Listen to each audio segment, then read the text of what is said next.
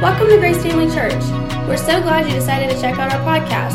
Our prayer is that this teaching from Pastor Tommy will encourage your faith and lead you towards the greatness God has planned for you. Thanks again for listening. We hope you enjoy this message. I want to do a special message today based on um, a portion of Scripture in Numbers chapter 6, verse 22 through 26. And so uh, we'll read those and then let's just uh, pray and believe God for what He has for us today. I believe that He's not done with us in this service. How many of you realize that just because you know, we've moved to this portion, that the Spirit of God still wants to move and touch our lives through what takes place from this point forward? And so I would encourage you just to put your faith out there and extend your heart and believe and have your heart open for what God may want to continue to do in you this morning. Numbers chapter 6 and verse 22 says, And the Lord spoke to Moses, saying, Speak to Aaron and his sons, saying, This is the way you shall bless the children of Israel. Say to them, The Lord bless you and keep you. The Lord make his face to shine upon you and be gracious to you. The Lord lift up his countenance upon you and give you peace. Let's pray before we get started. Father, I thank you so much for your wonderful presence that we've experienced through uh, relationship this morning with each other uh, through worship this morning as we lifted our voices and our hearts to you. And, uh, and I just thank you for your presence inhabiting every aspect of our praise and dwelling amongst us now. I recognize that we need you, great and powerful, almighty Holy Spirit, to move in our midst. And so I thank you for anointing me to speak your word, allowing me and helping me beyond my own ability to speak to each person here and to provide encouragement and hope and direction and expectation for our lives. I give you praise and thanks for that, Father, in Jesus' name. Amen. Uh, you know, as I was really seeking the Lord, you know, uh, special holiday Sundays, you know, it's expected that you preach a message around that particular holiday. Easter, you preach Easter message, Mother's Day, Mother's Day message, right? So I was praying and really seeking the Lord about what to um, preach about and, and, and, and share with you this morning around Mother's Day. And you know, one of the things that's just rolling over in my heart is an expectation of something uh, great taking place in our church. Um, I just have a tremendous expectation in my heart for a uh, great outpouring of God's presence. Uh, I believe it's just right on the cusp, uh, if not possibly this morning, even. Why not expect that, right? Um, and as I was, um, you know, this week had some time to spend time with, you know, one of my good friends in the church, Jason. Everybody look back there, Jason. Everybody give Jason a hand.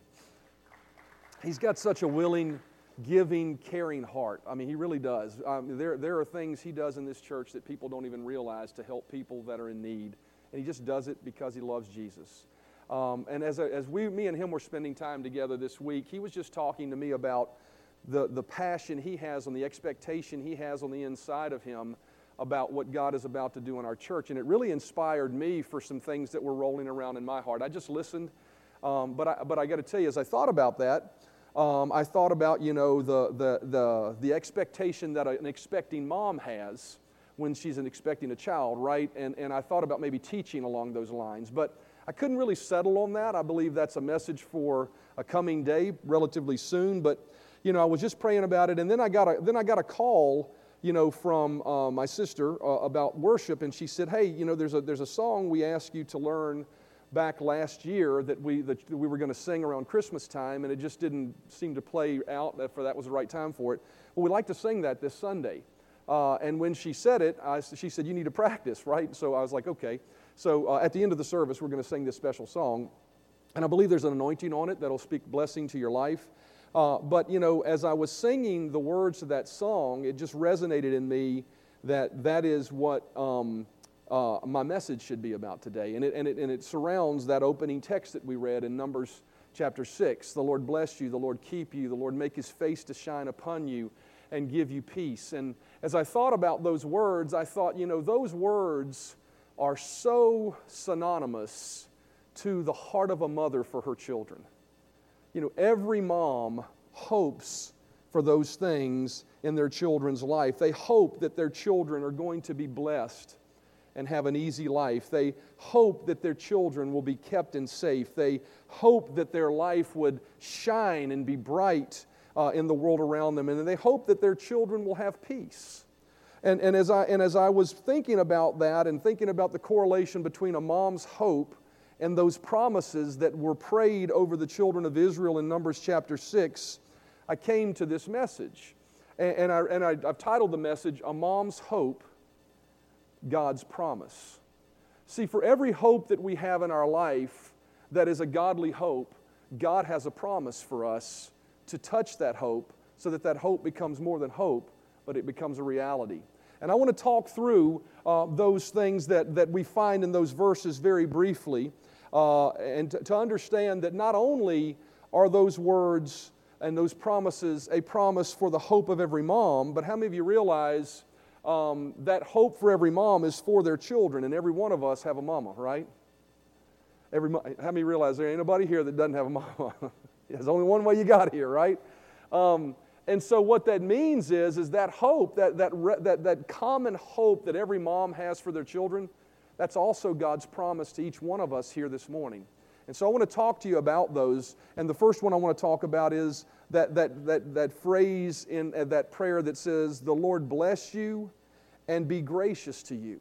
You know, those are two phrases that are very similar in nature. And so, what does it mean for the Lord to bless you and be gracious to you? Well, I would say this to start it means everything. It means everything. Without the Lord's blessing, and without the Lord's grace in our life, we would have nothing good in our life. James chapter 1 and verse 17 says these words It says, Every good gift and every perfect gift is from above. Everybody say, from above. What that, t- I noticed he didn't just say some, he said every. So everything good in your life is from above, and it comes down from the Father of lights, of whom there is no variation or shadow of turning. And so every single good thing in our life comes from God. There is no other source of good. We need to understand that in our lives, that there's no other place that good comes from. There may be things where we misperceive that good came from something that was not of God. But the reality is, is that God is a good God, and, and it is His desire to bless us. And so to be blessed by God means for Him to be to give you good things and to bless your life. And so when we, when we, when we think about the mother's, a mother's hope for her children, it's not just to be blessed but it's to be really blessed. How many of you realize that I don't know about you, but when I think about my kids, and I know my wife is the same way, she, her desire is for them to have not just some of the best, not just a little of the best, but all of the best. And, and, and so, one of the things we need to understand is, is that the blessing of God is not just to bless us in spite of ourselves as we go about living our lives, not thinking of Him and not drawing close to Him, but it's His desire for us to be so enamored and pressed in and so a part of His presence that the fullness of what He wants to do in our life is to bless us. Psalm 145 and verse 8 says, The Lord is good to all, He has compassion on all he has made. And so, what it says there is that there's not one single person on this planet that God does not desire to do good for. It doesn't, and it says, notice it says, He says, He has compassion. That word compassion means He loves. See, the reason God is so good to us and the reason He promises us and promises every mom to satisfy the desire for their children to be blessed and have a good life is because He loves your child more than you do. You know what that also tells me? Is that He loves me and He loves you more than you even know. Matter of fact, the Bible says that God loves us so much that He sent His Son to die on a cross for us. If it had been just us, He would have died for us. And so we understand that, that, that the Lord is a good God, and one of the things that the God desires to do in our life is to bless us, to really bless us. And the way, we, uh uh, uh, uh, the way we experience that is by drawing nigh to Him, by drawing close to Him, by coming into His presence and opening our heart for Him to be able to bless us. See, the thing about God is He is a perfect gentleman. He wants to be good to all. He loves everybody so much that He can't help Himself. He's standing at the window panes of many people's lives, beating on the window, saying, Will you let me in? I want to bless you. I have gifts for you. I have blessings that you haven't even experienced yet. You've experienced some good just because uh, the way I've set up life. but I want to do so much more for you. And so God is a good God, and He's waiting to fully fulfill the hope of every mom in each one of our lives. It says He's good to all. We have to know that every good thing comes from Him, and there's nothing bad in this life that comes from God. I read this verse very often, but it's foundational to our belief system. John chapter 10 and verse 10 says, The thief is only there to steal and kill and destroy.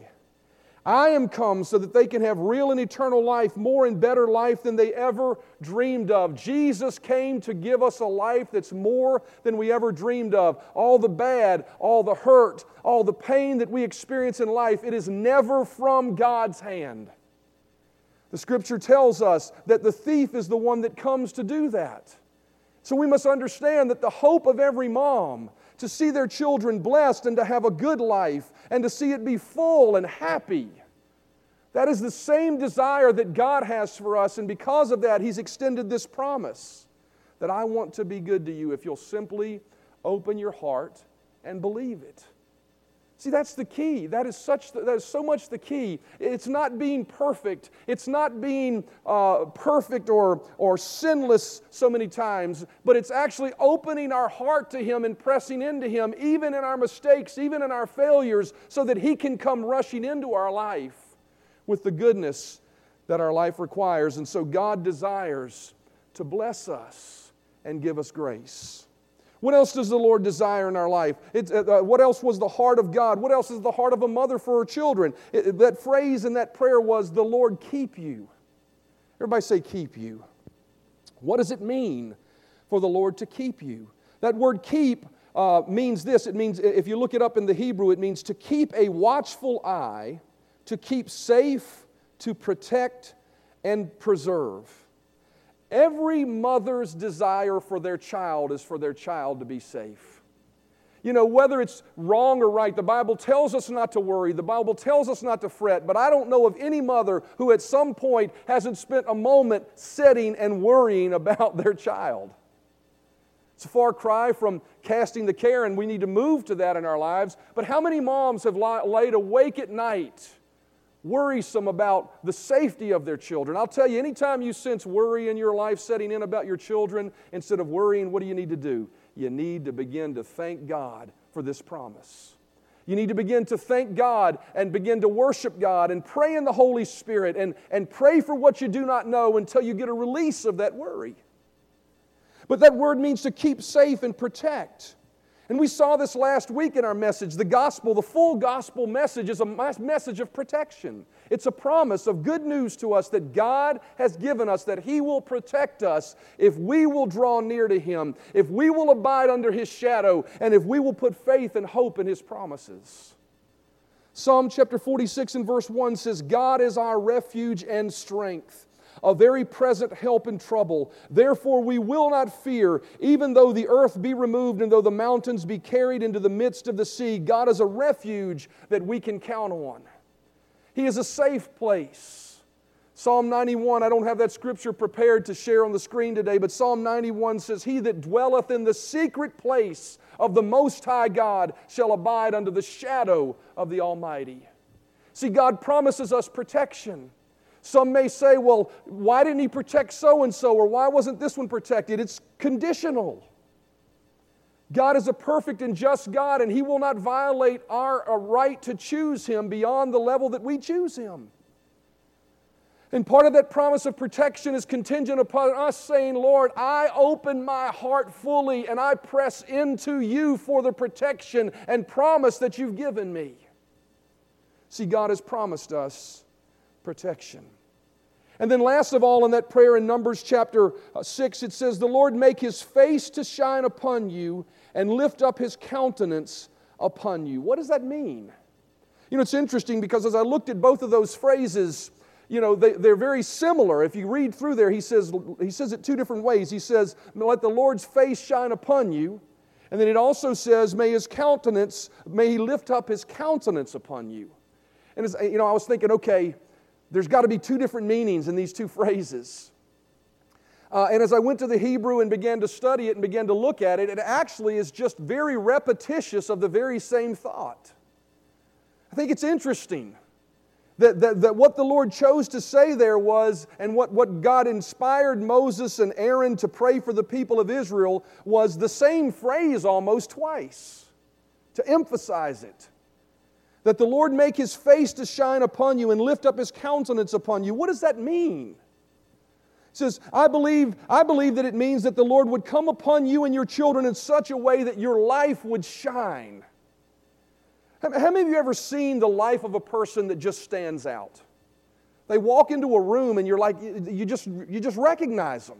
How many of you ever seen people like that before?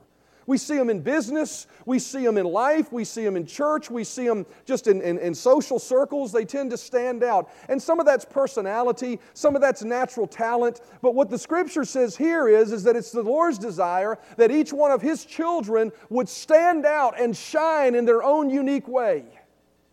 Not necessarily for the accolades they achieve, not necessarily for the contests they win, not for necessarily for the conquest that they have in business, but that their life would shine as Moses' life shone when he came down from the Mount Sinai and received those tablets.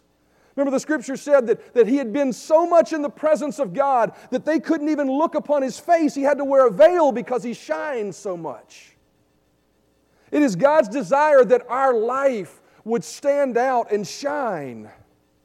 And God has promised us that that would be what He would do for us, that we would not be buried somewhere, that we would not be unrecognizable, but that our life would have impact and influence. That's the heart cry of every mother. That my child's life would be meaningful and have impact. And God has promised that in Deuteronomy chapter 28. It says, And the Lord will make you the head and not the tail you shall be above only and not be beneath if you heed the commandments of the Lord your God, which I command you today, and be careful to observe them. God has promised us to rise us to the top and make us the cream of the crop. Why? So that we can be seen? No.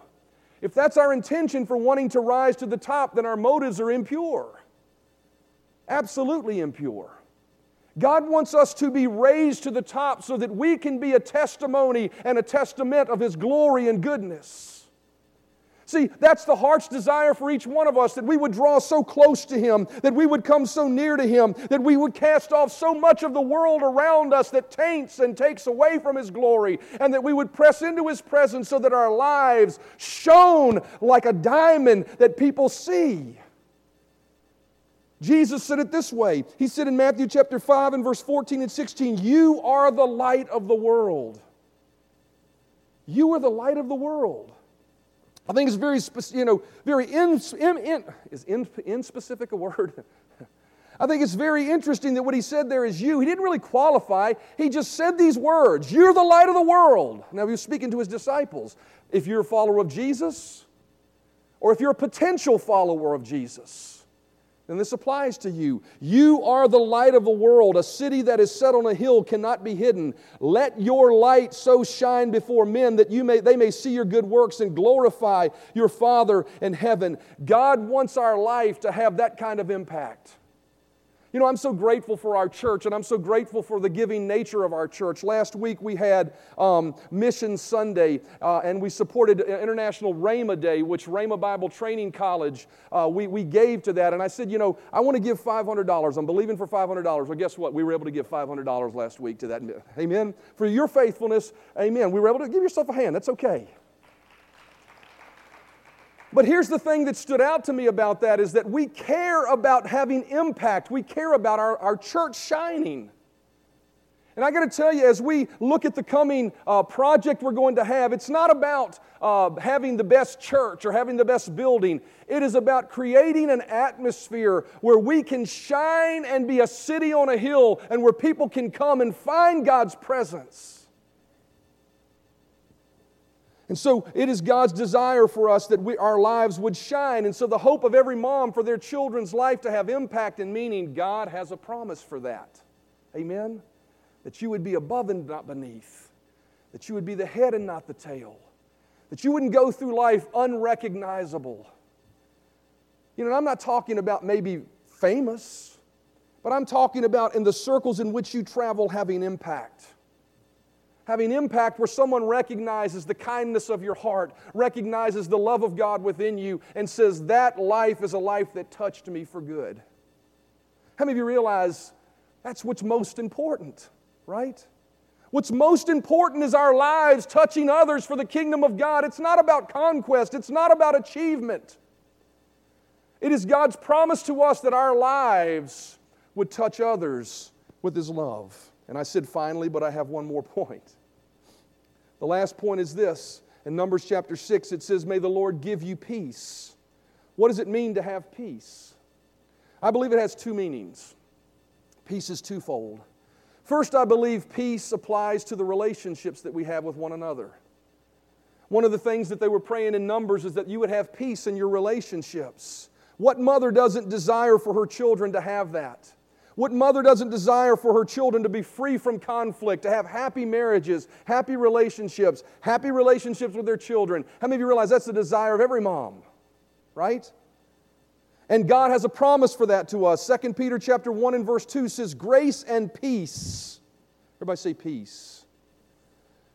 Grace and peace be yours in abundance through the knowledge of God and of Jesus Christ, or of Jesus our Lord. That word peace, if you look it up, one of the translations of that in the Strong's Concordance the, uh, uh of the Greek is this harmonious relationships.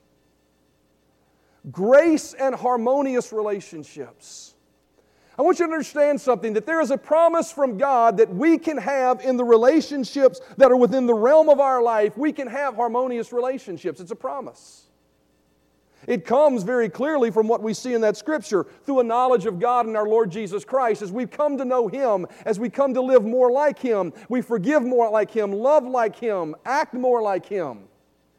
We have the potential for experiencing greater and greater peace in our relationships.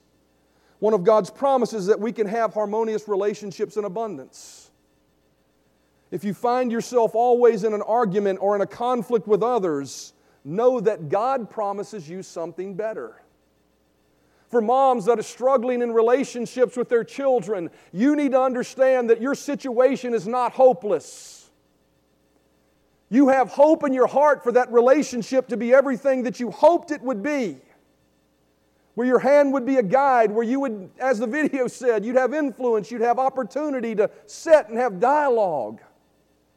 God has promised that we can have that in our life, and so we should not cast away our hope that that could never happen. We should stand on the promise of God and rise up when we see conflict and say, No, bless God, thank you that you've promised me grace and harmonious relationships. And so, what we see is that God has promised us harmonious relationships. But secondly, and as the musicians come, I want to talk about what the, what the other definition of peace is. Peace doesn't just mean harmonious relationships with one another. It also means having peace within yourself. Having no turmoil, no unrest, having a place of calm within yourself.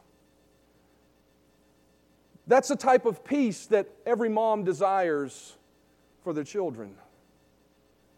No, no mother desires for their children to be tormented. No mother desires for their children to be uh, vexed in their mind and in their heart and have no rest. They desire for peace and confidence and that place of ah on the inside, if you know what I mean. And so, what we find is, is that peace is also something of that nature that God has promised us. As a matter of fact, what we find to be true is you can't have peace in your relationships like God intends for you to, to, to have unless you find first that peace within yourself. You can't love others until you've learned to be comfortable with who you are. John chapter 14 and verse 27 says, Peace I leave with you. These are the words of Jesus. This is the source of peace. This is the ultimate hope for every person.